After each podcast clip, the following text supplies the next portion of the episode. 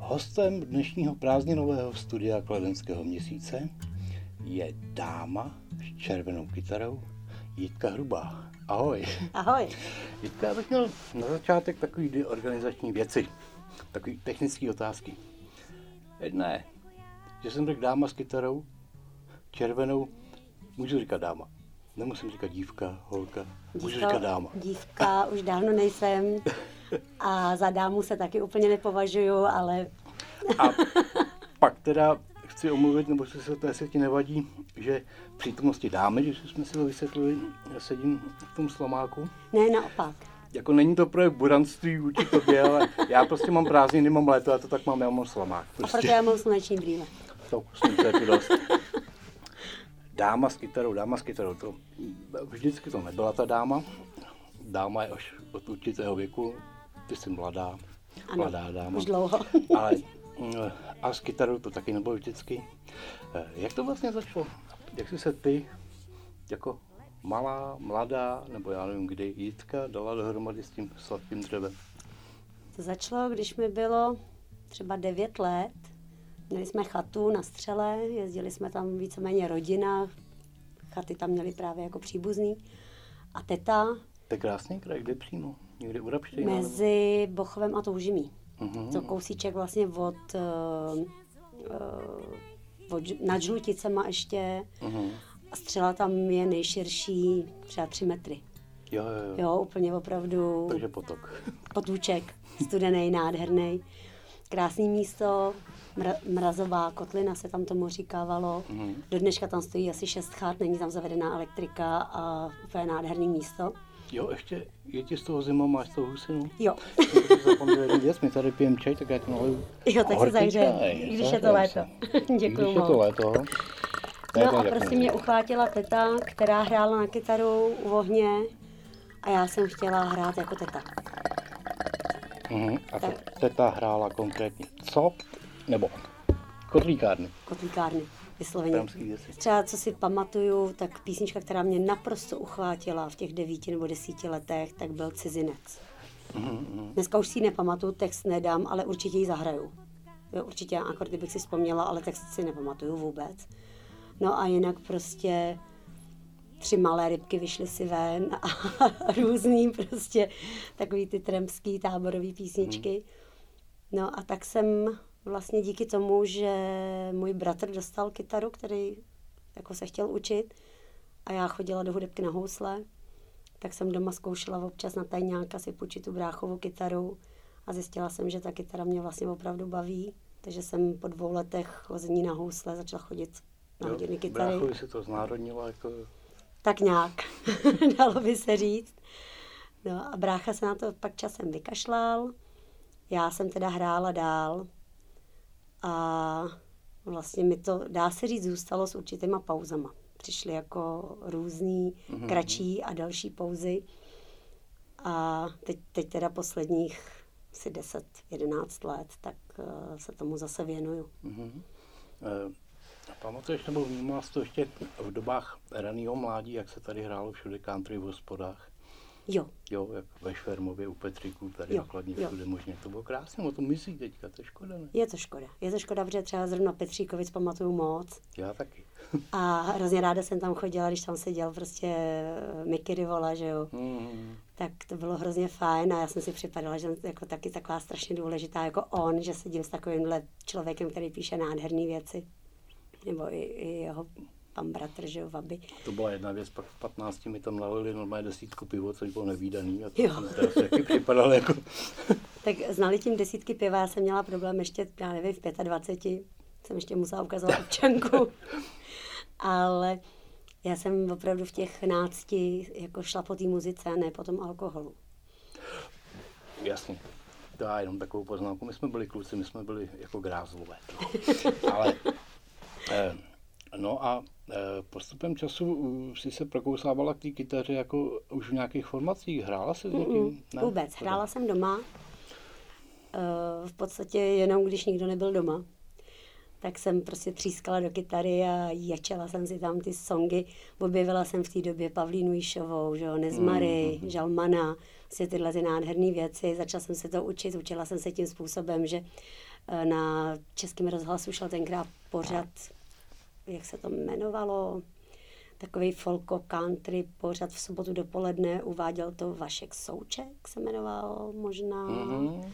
A ten tam pouštěl tyhle ty písničky a já jsem si je rychle vždycky nahrávala, prostě jak jsem měla magneták, že s kazeťákem, prostě rádio s kazeťákem, tak vždycky začala ta písnička, jak jsem si toho nem nahrála, tak třeba takhle jsem se naučila písek, že jsem tu písničku slyšela. Říkám, že to je krásná, tak jsem příští sobotu seděla, jestli ji budou hrát zás. Mm-hmm. A zase jsem to chytla asi od půlky první sloky, ale pak jsem zjistila, že poslední sloka je stejná jako ta první, takže jsem si to napsala, ten text a ty akordy jsem si k tomu vymyslela. Pak jsem si to přeťukala na, na psacím stroji, protože jsem studovala ekonomickou školu, takže jsem psala na psacím stroji, tak jsem si mhm. všechny ty písničky psala. Tomu jsem si domýšlela ty akordy a, a takhle jsem si tvořila zpěvníky. Jasně, a pamatuješ se ještě na tvý první veřejný vystoupení? Byť třeba bylo v rodině nebo u Mí úplně první veřejný vystoupení, tak to mi byly asi čtyři roky, mám ten pocit. Mám z toho nádhernou fotku, byla jsem za Karkulku. Hmm. Hmm. Na Stochově, kde jsem bydlela, na karnevalu. Postavili mě na židli, abych došáhla k mikrofonu a zpívala jsem, myslím, že Davida a Goliáše tenkrát. Tak to bylo úplně mý první veřejný vystoupení. Ješkárna. Mm-hmm. Ty jsi vlastně, jak se říká, jsi bydl na Stochově, ty jsi vlastně kladeňák nebo z okolí celý život? Jo. To tady vlastně v osmi letech jsem se přestěhovala na Kladno. Mm-hmm. Přímo na Kladno. Přímo na Kladno. No a nějaký ty začátky s nějakýma kapelama nebo... No, tak to začalo v podstatě až dlouho protože právě hrála jsem doma, hrála jsem u vohňů, že jo, s kámošema různě. A když mi bylo 18, tak jsem se zahleděla a zamilovala do mého nastávajícího muže v té době, který byl výborný muzikant, skvělý zpěvák. A ten mi tak trošičku dal jako najevo, že ta moje hraní a ten, ten můj zpěv není tak úplně jako dobrý. Takže to dopadlo tak, že jsem... Motivoval, že ti pomohl. Ano, ano, ale ono v finále vlastně to pak bylo dobře, jo. Takže ale v, jako úplně v tom prvopočátku to bylo tak, že jsem, ještě když jsem byla uh, těhotná s mojí dcerou, tak ještě jsem hrála na tu kytaru, ještě dokud jsem na ní dosáhla na tu kytaru přes to břicho, jo, tak jo. jsem si ještě jako brnkala.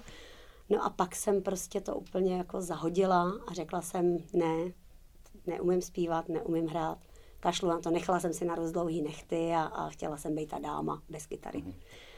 No, takže jsem opravdu asi v těch 20 s tím úplně sekla a vrátila jsem se k té kytaře po nějakých třeba pěti, šesti letech, kdy jsem si Jeli jsme s mojí maminkou do Prahy, to je krásná historka vlastně, jeli jsme s mojí maminkou na vánoční nákupy do Prahy. Mm-hmm. A tak jsme tam courali po těch krámech, v té době ještě jako ne, nefungovaly úplně karty, nebo aspoň já jsem ji třeba nepoužívala, mamka hmm. taky ne. Tak jsme courali po těch krámech, dokupovali jsme ty poslední vánoční dárky a šli jsme na Junkmaňáku, jak jsou ty hudebniny. A tam ve výloze byla kytara Yamaha a byla zlevněná z nějakých jako hrozných peněz na nějaký úplně super peníze.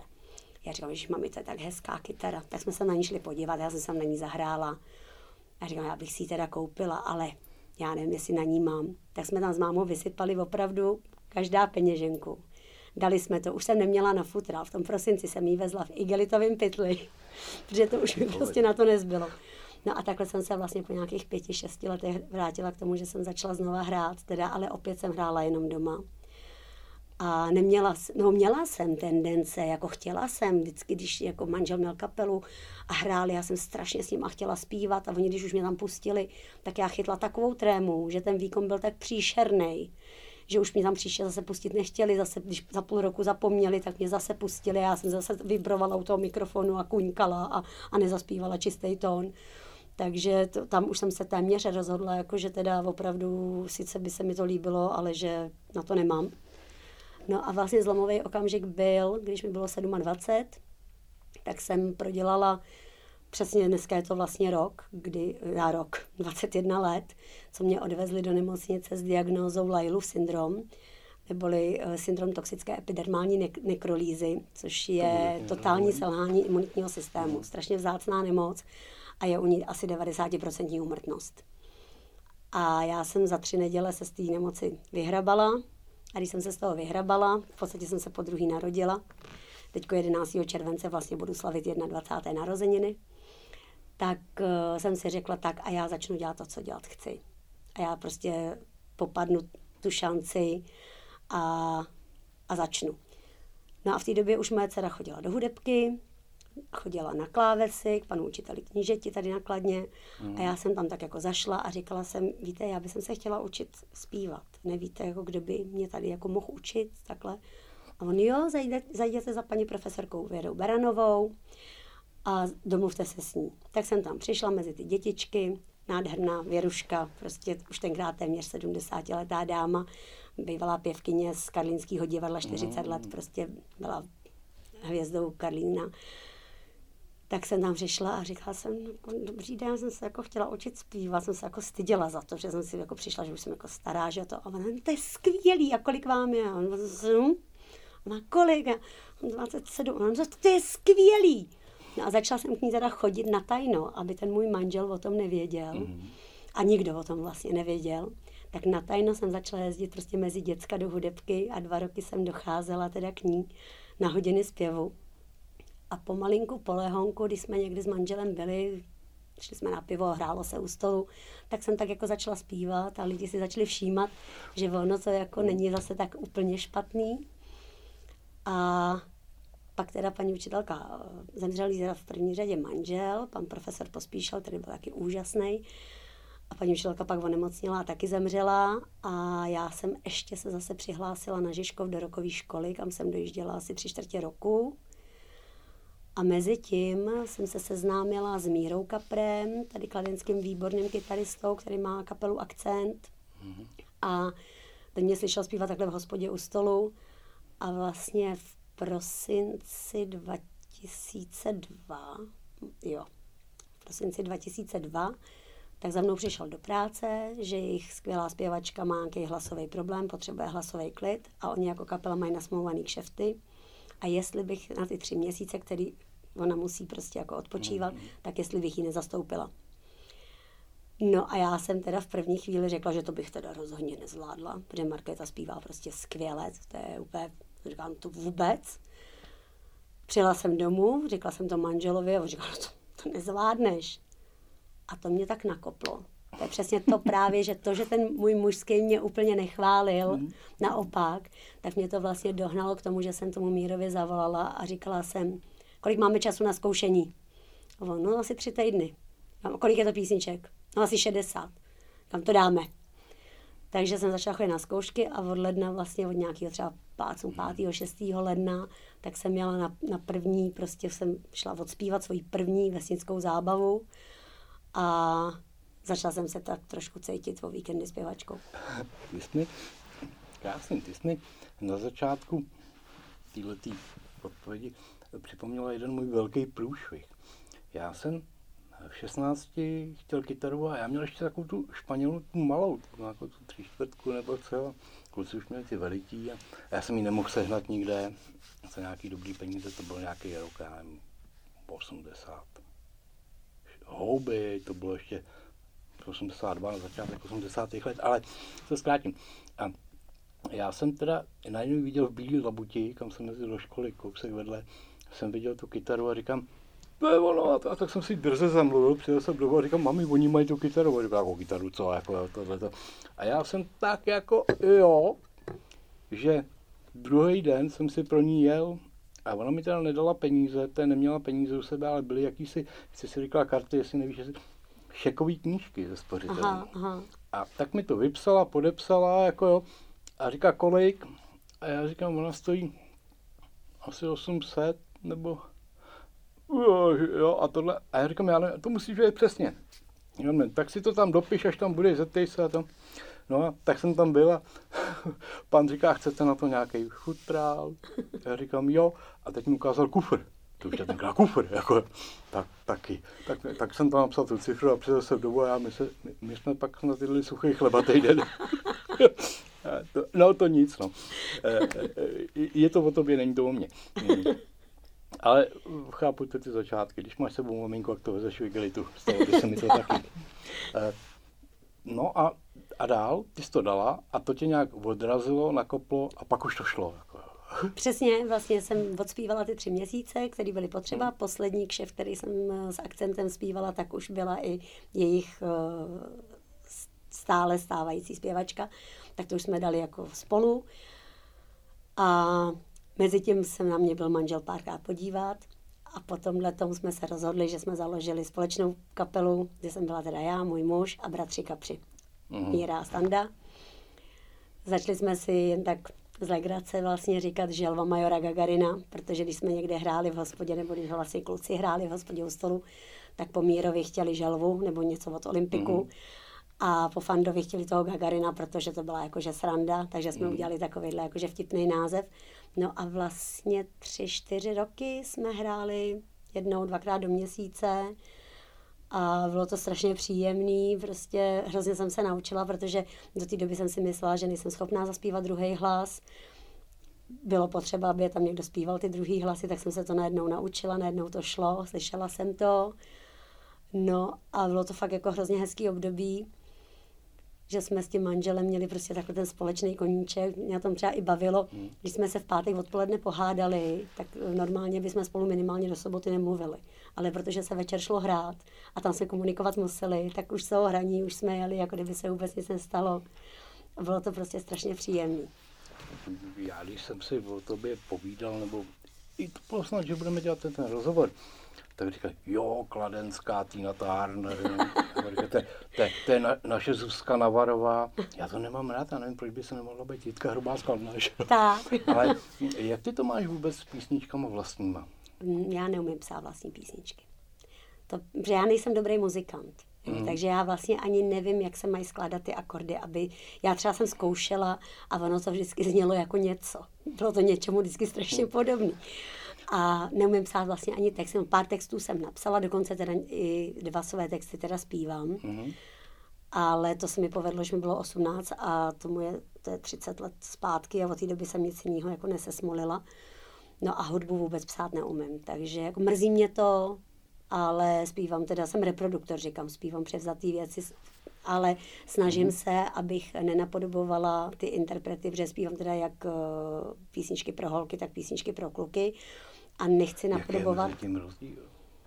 No, protože jak, jako jako třeba v češtině, v češtině by to bylo třeba, že bylo by blbý, kdybych zpívala písničku od nějakého chlapa a vyznávala tam lásku ženský, že jo. No. Jo. Což v angličtině nevadí, mm. tak, takže když zpívám ty klučičí věci, tak je zpívám si angličtině. I když třeba když zpívám Alice od Smoky, tak tam je to jasně pro Alice, mm. pro ženskou, že jo, ale tak to úplně neřeším v té angličtině, no.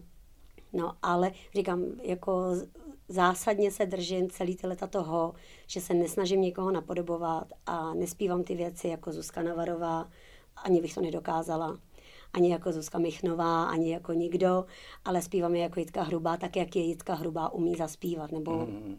tak, jak se snaží Jitka Hrubá je co nejlíp zaspívat.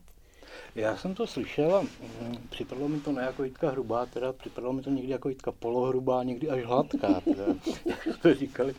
Ale e, to nic. A jak jsi se dostala eh, k těmhle těm dámám, jako je Zuzana Navarová, nebo...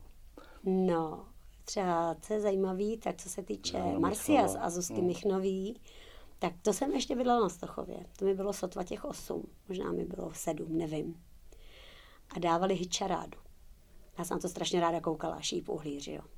Hmm. A tam šel tenkrát klip od Marcias, písnička za městem. Přijdeš, hmm, odejdeš. Hmm. A mě v těch sedmi nebo osmi letech ta písnička strašně nadchla. Ale úplně, jakože jsem fakt úplně byla konsternovaná u té televize. A když jsem začala chodit s mým mužem, mezi tím jsem poslouchala úplně jinou muziku, což mě učil můj bratr, vlastně mi nosil hudbu, kterou jako jsem poslouchala, protože byl o čtyři roky starší, tak ten mě tak jako by malinko směřoval. A když jsem začala chodit s Františkem, tak on mi říká, znáš Marci? Já říkám, jo, jo, jo, to už jsem slyšela. A pustil mi je a já jsem zjistila, že vlastně miluju všechny ty písničky. Hmm. Jo, to je prostě, no a pak, když mi bylo 15, tak jsem procházela na Václaváku kolem suprafonu ještě tenkrát a tam se na mě smála z výlohy. Nádherná deska, barevná s takovýma kostičkama. To byla druhá deska od Neřeš. A já jsem každý měsíc z kapesního chodila a kupovala jsem si za 44 korun LPčko. Ano, přesně. Takže jsem si koupila Pan, tohleto. Pan levnější, o nějakou pětku. No, no. Taky jsem měla od Pantonu nějaký nezmary, myslím. AG Flex snad byl taky u Pantonu natočený, nevím, to už bych kecala. No nicméně, prostě co se týče Zuzky Navarový, tak to byla tato vlastně jejich druhá deska, mm. kterou jsem slyšela jako první. Až teprve pak jsem se začala pídit a, a začala jsem schánět všecko, co kdy teda uh, Neres tenkrát, že mě se to furt plete Neres, Neřeš, tak když tam byla Zuzka, tak to byly Neres tak jsem si začala všechno kupovat a začala jsem se učit všechny ty její písničky a jakmile prostě to šlo a někde hráli, tak jsem šla na jejich koncert a byla mm. jsem úplně nadšená.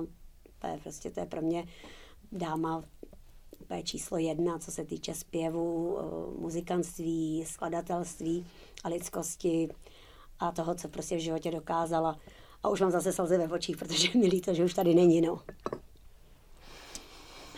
Um No. Co říct, no, a ta sestava s tím Třešťálem Sázavským eh, vytiska na basu, že jo, to bylo úplně, úplně nádherný. To má bylo. Nádherná, a mě bylo strašně líto, když se jakoby rozešli. Hmm. Ale ve finále jsem vlastně zjistila, když jsem pak právě slyšela uh, Zuzanu zpívackou no. a Neres jako neřeš a s jinýma zpěvačkama, tak vlastně, že to vlastně vůbec žádná škoda nebyla, že vlastně On oni si šli svojí posun, cestou. Jako šli si tak, svojí cestou tak. a každý se posunul někam tam, no. kde ještě no. A do dneška nejsem to schopná říct, jestli mě víc bavilo to, že zpívá Zuzana Navarová a Koa a že zpívá Vřešťál se Sázavským. Prostě na koncertech těchto těch seskupení jsem vždycky cítila takový, takový ten pocit toho absolutního štěstí. Hmm. Eh, já jsem chlap, takže nejsem vyznavač nějaký módy veliký, nebo takhle, vyznavač, já ji nerozumím on ten slamák. Ale teď jdu, uděláme velký skok, jako teď najednou jdu po klenských dvorcích, jo, a, a tak by to připravilo jako já, neměl jsem takový smíšený pocit, nějaký, nevím proč, asi jsem i to počasí a nějaký předtím byly starosti, to je jedno. A najednou vidím, a teď mě to zaujalo, dáma, jak se říká, červená kytara, růžový popruh, červený brejle, růžový šlahoun do, do komba. A ono to ty. A tak jsem se jako zastavil, předtím tam lítal já nevím, myslím Paták nebo někdo tam lítal a říkal, neviděl jste, kde tady hraje Jitka Hrubá? Já mám, ale nevím, člověče, slyšel jsem, že tady bude, ale nějak budeš si to muset vypátrat. A, to a pak jsem těm objevil, jsem scháněl zase Patáka, dobrý, a všichni tam přišli. Nebylo to, na, nebyl to nabitý amfiteátr, byl to nabitý zážitek. Mě to, mě to strašně potěšilo. A ten tvůj kostým, který nebyl kostým, vlastně jenom vyladěný barvy, jo, v ostínu různě rudých, vybledlých. No nádhera, jak jsi přišla k červený kytaře? No já jsem, když jsem si kupovala právě, když už jsem se rozhodla před eh, těma asi deseti lety, jsem se rozhodla, že teda začnu hrát na kytaru i jako teda na pódiu, začnu prostě sama se doprovázet. Eh, tak eh, jsem si chtěla koupit teda jako k tomu kytaru, teda elektroakustickou, protože do té doby jsem měla vždycky jenom akustickou. Mm. A byla jsem tenkrát, eh, já zase si teď nespomenu, jak se ten pán jmenuje, dováží jsem jako mikrofony a věci k ozvučení od Samsonu, pan Pivoňka. Má sklad někde umělníka. A už jsme u reklamy, dobrý. Pardon. A tak jsem tam k němu jela si koupit kytaru a teď jsem vzala mé klasickou hnědou nějakou kytaru a vyslala tam modrá. A on tak na mě koukal a říká, já vám to nechci kecat, ale prostě vy nejste typ na to, abyste měla takovou tu klasickou kytaru jako nedvěd třeba. Jako, hmm. To se k vám nehodí. Ta modrá vypadá dobře. No a já jsem teda hrála na tu modrou asi rok, dva. A tak jsem se nějak nudila a říkala jsem, já bych chtěla nějakou kytaru jako jinou. A našla jsem nádhernou růžovou kytaru někde v Německu, v nějakém e-shopu prostě, tam tu chci. Všichni kytaristi, odborníci si ťukali na čelo, že jo, že jak si můžeš koupit kytaru po internetu, jako to je absolutně nesmysl, to si musíš vzít do ruky, to musíš vyzkoušet, že jo. Ne, já chci růžovou kytaru. Tak jsem si ji objednala, ona přišla a přišla tady ta červená, ona je taková jako červeno-růžová, taková malinová, já jí mm. říkám. Mezi tím jsem ovšem prodala tu modrou, takže jsem tu červenou nemohla vrátit, aby mi poslali tu růžovou, že jsem šla druhý den hrát. Takže jsem si tu červenou nechala.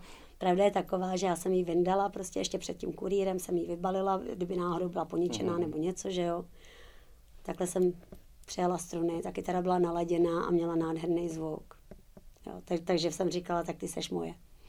No a pak už jsem si z toho začala dělat srandu vysloveně, protože jak o sobě vím, že nejsem zdatný kytarista, takže jako když už neumím úplně jako pořádně hrát, tak je to něčím zajímavý, že jo. Takže třeba provokuju kluky v muzikéru a přijdu a říkám, jo, ještě trsátka. No jaký potřebujete? Růžový. jo, jo, takže já, já už kupuju všechno růžový. To je ta správná prostě, síla prostě. No, no. Já jsem právě začal podezřívat, že jak jsi si těšila na tu růžovou, tak už si všechno nakoupila růžový a do toho ti zapala ta červená, tak stačilo brejle a, a bylo to, je to pěkný, je to pěkný. A hlavně, když to dobře zní teda. Eh, ty teďka hraješ uh, s kým vlastně? Já, tam máš takový různý doplňky, kachony a takové tak. věci. Já. Že ta kytara, ten tvůj zpěv se vlastně dostává do toho sola, skoro do toho popředí. A já si třeba myslím, že je to dobré, mně to znělo hodně dobře. Děkuji moc. Já jako obměňuju, teda tak nějak postupně uh, ty muzikanty, a protože taky někam se to posouvá, nějak se to vyvíjí, nevyvíjí, naopak třeba, mm-hmm. tak, tak to taky obměním. Nicméně před, já jsem přestala, nebo myslela jsem si, že končím s muzikou před čtyřma lety, kdy jsem uh, šest let hrála v takém seskupení malým voice band, jsme si říkali. Byli jsme dva a byli jsme partneři i v životě, i v muzice. A došlo k tomu, že teda skončilo obojí partnerství a já už jsem si říkala, že už hrát nechci. A tak jsem opravdu asi tři čtvrtě roku nešahla na kytaru, zpívala jsem maximálně s rádiem a potkala jsem kamarádku po letech a ta mi říká, hele, já budu mít ty narozeniny kulatý a ty jsi mi slíbila, že mi tam zaspíváš. A já jsem říkala, aha, a když jsem ti to slíbila? Ano, asi před pěti lety. Kam, no jo, jenomže to jsem nehrála sama a já hrát sama nemůžu. Já to sama neumím prostě. No a pak jsem nad tím doma přemýšlela, že by vlastně nebylo dobrý, když jsem to slíbila, tak abych to nesplnila. Tak jsem říkala, tak já prostě vemu tu kytaru, nacvičím 10 písniček, zahraju tam hol teda jako sama, jenom slíb, dodržím ten slib vlastně a nějak to prostě zvládnu. No a do toho jsem shodou okolností potkala Tomáše Bláhu, po kterým jsem věděla, že krom toho teda, že hraje na bicí, že hraje na kachon. A říkala jsem mu takhle někde u báru, říkám, hele, nešel by si se mnou odehrát prostě narozeniny kamarádce, deset písniček, půl, tři čtvrtě hodinky, víc to nebude, že bychom se sešli, se cvičili bychom to, protože jsem měla strach jako to hrát sama a myslela jsem si, že ten kachon mi to tak jako pěkně vyplní, což jsem si teda myslela velice dobře. A on teda byl pro, takže jsme se sešli, naskoušeli jsme prostě těch, já nevím, opravdu asi deset věcí. Odehráli jsme ty narozeniny v Dubnu před dvěma lety vlastně. Třema už. Dvěma, myslím. A když jsem šla, ta akce byla pod obrazem, a když jsem šla z té akce, tak jsem došla do Sokolu a tam jsem se potkala s pořadatelem makladinských dvorků a viděli, jak si nesou tu kytaru přes to rameno a ty mě oslovili, jestli bych nehrála after party právě před dvěma lety těch kladenských dvorků, což ještě bylo v mm. Sokole. A do toho Alžběta Bitnerová mě taky o to poprosila zároveň v ten večer, takže jsem nad tím jako začala přemýšlet, jsem říkala, a to je výzva, to by bylo hrozně fajn.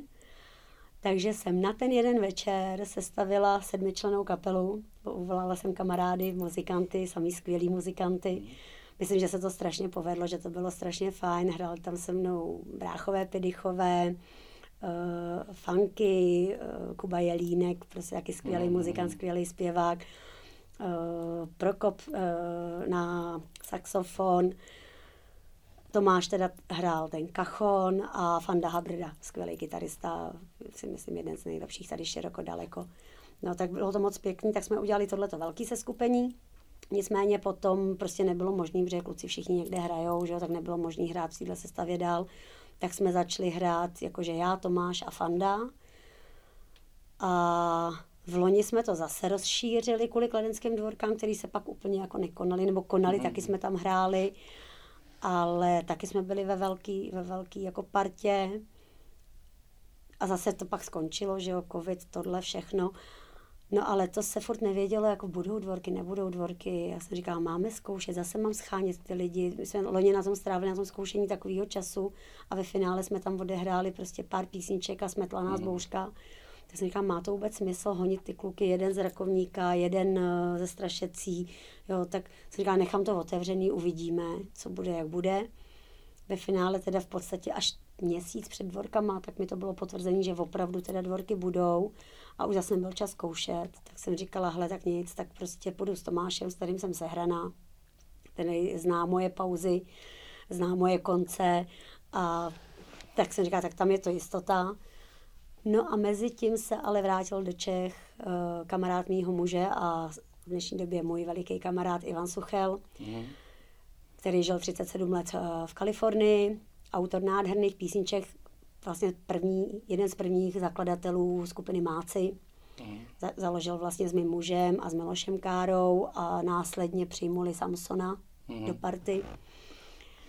A začali jsme vlastně jezdit tak, že nemáme čas zkoušet, tak to děláme tak, že půlku programu odehraje Ivan se svým kytaristou, druhou půlku jdu zpívat já a kluci už mě doprovází, protože jsou dobří muzikanti, nepotřebují zkoušet, mm. tudíž mě v pohodě doprovodějí a jdu já vlastně s Tomášem a Tomáš hraje zase i s klukama. No a tak postupně jako to děláme, tak víc a víc se prolínáme. A jsem teď jako z toho strašně nadšená, protože jsme hráli zrovna minulou sobotu, jsme hráli nad Orlíkem ve vesnice Podmoky pro dobrovolní hasiče a akce byla vlastně pro Moravu. Byla to krásná prostě vesnická, dá se říct, zábava, kam přišlo téměř 100 lidí a vybrali jsme na tu Moravu 30 tisíc a jsem z toho úplně Já jako... jsem teďka listoval prázdninovým kamelotem a taky tam máš nějaký festiválek. Mám, mám tam dva. Mě se oslovil Pavel Kuška, frontman kapely Lipany jo, jo. a pořadatel těchto těch hmm. uh, festivalů. Tak já, dřív jsem říkala, když jsem hrála ještě jako holka třeba na těch akcích ve škole a tak, tak jsem říkala, že jsem kulturní vložka. Tak teď už nejsem kulturní vložka, teď jsem výplň. Co znamená, že prostě co tam má Pavel nazvaný kapely, tak než se přestaví pódium pro další kapelu, přezvučí se a tak, tak já tam budu někde bokem s tím Tomášem mm-hmm. a mhm. po tu dobu té přestavby, tak tam budu hrát. Takže já to mám vlastně jakoby na, na celý odpoledne nebo na celý den. A strašně se na to těším a jako jsem za to strašně vděčná, protože si vážím toho, že eh, člověk, který má takhle skvělou eh, kapelu, mimochodem naprosto dokonalou a nádhernou zpěvačku, takže mě oslovil, jako abych tam šla hrát, tak jsem teda jako pyšná, no. No, Marika roste. Jo. Ale, eh, dobrý, tak jsme se o té kolíbky a různých peripetí života eh, přesunuli k současnosti. Eh, pojďme trochu podráždit hada bosou nohou do budoucnosti. Já jsem někde zaslech a dobře se to poslouchalo, že chystáš nějaký CDčko. No já Právě úplně ne. Se Suchelem. Já úplně ne právě. Nebo... Povídej o tom, to mě zajímá. No vlastně, já když jsem se s Ivanem seznámila, to už je taky 20 let třeba zpátky, tak ještě žila tenkrát Pavka Urban, Urbanová, skvělá hmm. zpěvačka. Vím. A kdykoliv jsme se někde sešli, byla tam jak Pavka, byl tam Suchel, tak uh, Ivan zahrál svoji písničku Anděl, Pavka ji nádherně zaspívala.